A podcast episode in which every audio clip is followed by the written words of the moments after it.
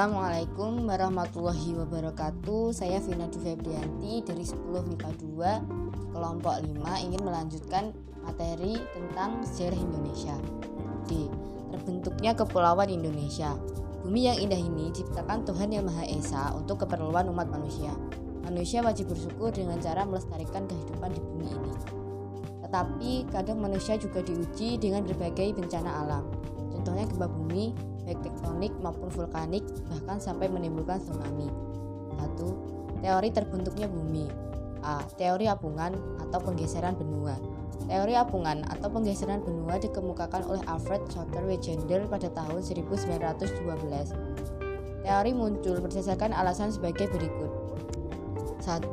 Terdapat kesamaan yang mencolok antara garis kontur pantai timur benua Amerika Utara dan Selatan dengan garis kontur pantai barat Eropa dan Afrika. 2. Benua yang ada sekarang dulu adalah suatu benua yang disebut benua Pangea. B. Teori kontraksi. Bumi semakin lama semakin susut dan mengarut disebabkan terjadinya pendinginan sehingga di bagian permukaan terbentuk relief berupa gunung, lembah dan daratan. C. Teori Laurasia atau Gondwana. Teori ini dikemukakan tahun 1884. Teori ini menyatakan bahwa kedua benua yang besar ini bergerak perlahan ke arah ekuator bumi sehingga pada akhirnya terpecah menjadi benua yang lebih kecil. Laurasia terpecah menjadi Asia, Eropa, Amerika Utara. Gondwana terpecah menjadi Afrika, Australia, dan Amerika Selatan. D. Teori konveksi Teori konveksi dikemukakan oleh Arthur Holmes dan Hariha. Mereka menyatakan bahwa bumi yang masih panas dan berpijar terjadi arus konveksi ke arah lapisan kulit bumi yang berada di atasnya. E. Teori dari tim peneliti Amerika Serikat Hill penelitian tim dari The New York American Museum of Natural History, Ohio State University, dan Wichita State University membuktikan bahwa wilayah Alaska sebenarnya terletak di dekat Katulistiwa pada 200 tahun yang lalu. 2. Proses evaluasi bumi Arikokum Arikokum atau Oisikokum adalah masa tertua dalam sejarah pengembangan bumi B. Paleozoikum Paleozoikum disebut juga pada masa Permian. Pada masa ini bumi sudah mulai terbentuk. C. Mesozoikum Mesozoikum disebut juga zaman sekunder. Pada masa ini kehidupan berkembang dengan sangat cepat. D. Neozoikum Neozoikum diperkirakan 60 juta tahun yang lalu. Pada masa ini keadaan sudah mulai stabil. Zaman ini dibagi menjadi zaman tersier dan zaman kuarter. Satu zaman tersier. Tersier jenis reptil raksasa lambat laun dan binatang menyusui berkembang baik. Dua zaman kuarter. Berlangsung 600 ribu tahun yang lalu, tanda-tanda kehidupan manusia telah ditemukan pada zaman ini. 3. Pulau-pulau di Indonesia. Indonesia luas wilayahnya 1.990.250 km persegi. Secara geografis terletak di antara dua benua benua Asia dan benua Australia dan dua samudra, Samudra Hindia dan Samudra Pasifik. Indonesia terletak pada pertemuan tiga lempeng dunia yaitu lempeng Indo-Australia di selatan, lempeng Eurasia di utara, dan lempeng Pasifik di timur. Di bagian timur terdapat pertemuan dua lempeng benua lainnya yaitu lempeng Eurasia dengan lempeng Pasifik. Sebagai besar, paparan Sunda tertutup lautan dan membentuk rangkaian perairan Selat Malaka, Laut Cina Selatan, Selat Kalimantan, dan Pulau Jawa. Pada periode ini terbentuk semenanjung Malaka, Pulau Sumatera, Pulau Jawa, Pulau Kalimantan, dan pulau-pulau sekitarnya. Timur Papua dan Kepulauan Aru terpisah dari daratan utama benua Australia. Kenaikan muka laut ini memaksa penghuni wilayah tersebut saling terpisah dan mendorong terbentuknya penghuni masyarakat Nusantara modern. A. Pulau Sulawesi Pulau Sulawesi terbentuk akibat pertemuan lempeng Indo-Australia, Eurasia, dan lempeng mikro lain di daerah tersebut. B. Pulau Papua dan Kalimantan Keduanya terbentuk dari pecahan super benua pada awal terbentuk permukaan bumi. Teori tektonik lempeng menyebutkan bahwa dahulu seluruh daratan muka bumi ini adalah satu daratan yang sangat luas bernama Pangea, kemudian induk benua ini terpecah menjadi dua yaitu Gondwana di utara dan Laurasia di selatan. C. Pulau-pulau kecil Pulau-pulau kecil seperti Kepulauan Seribu dan lainnya, proses pembentukannya pulau-pulau tersebut sangat sederhana dibandingkan yang lain.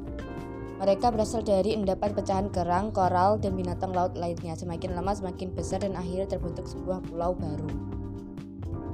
Demikian lanjutan materi yang saya jelaskan dan akan dilanjutkan oleh anggota kelompok kami lainnya. Saya Vina Dwi Febrianti, terima kasih. Wassalamualaikum warahmatullahi wabarakatuh.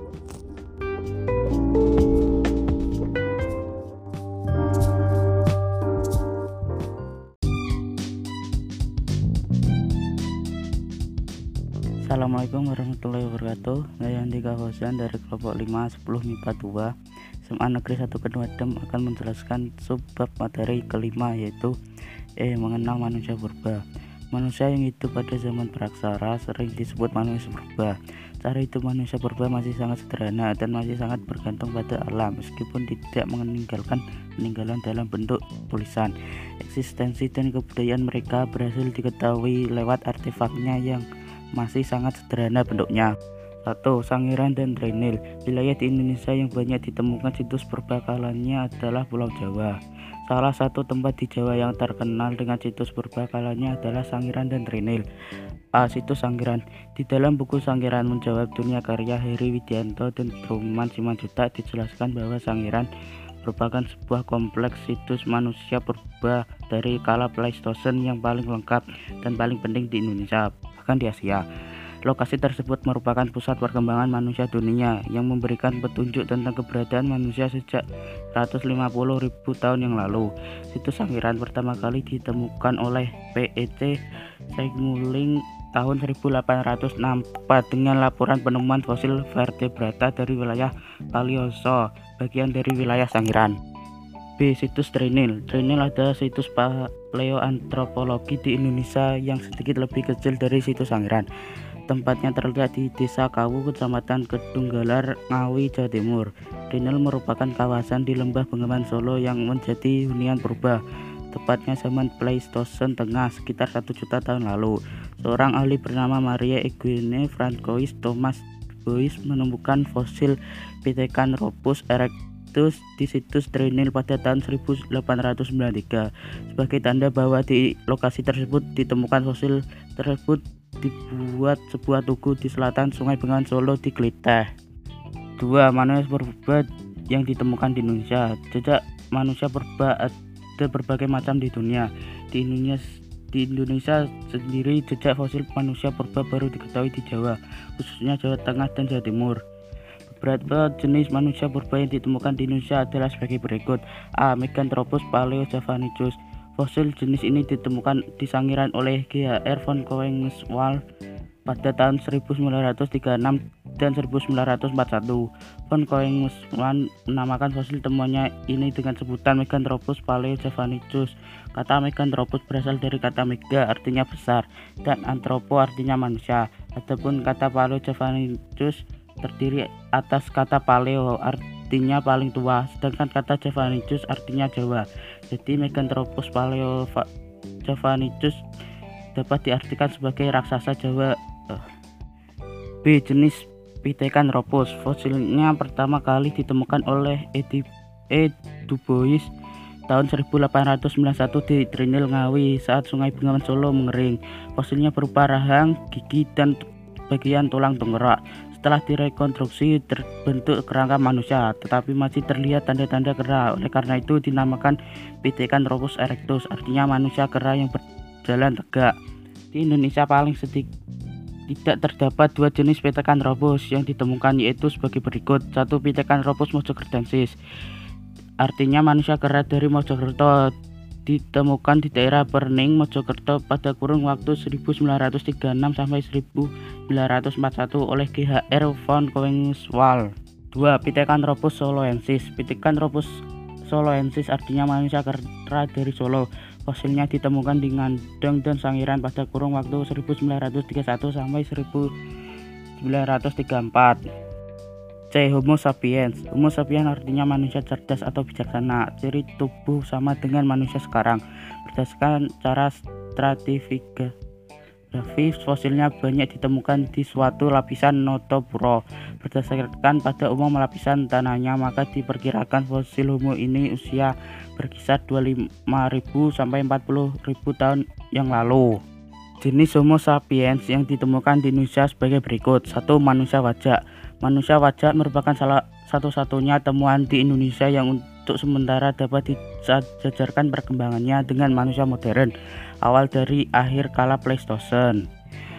Dua manusia liang buah. Manusia liang buah fosilnya ditemukan oleh Peter Brown dan Mickey J.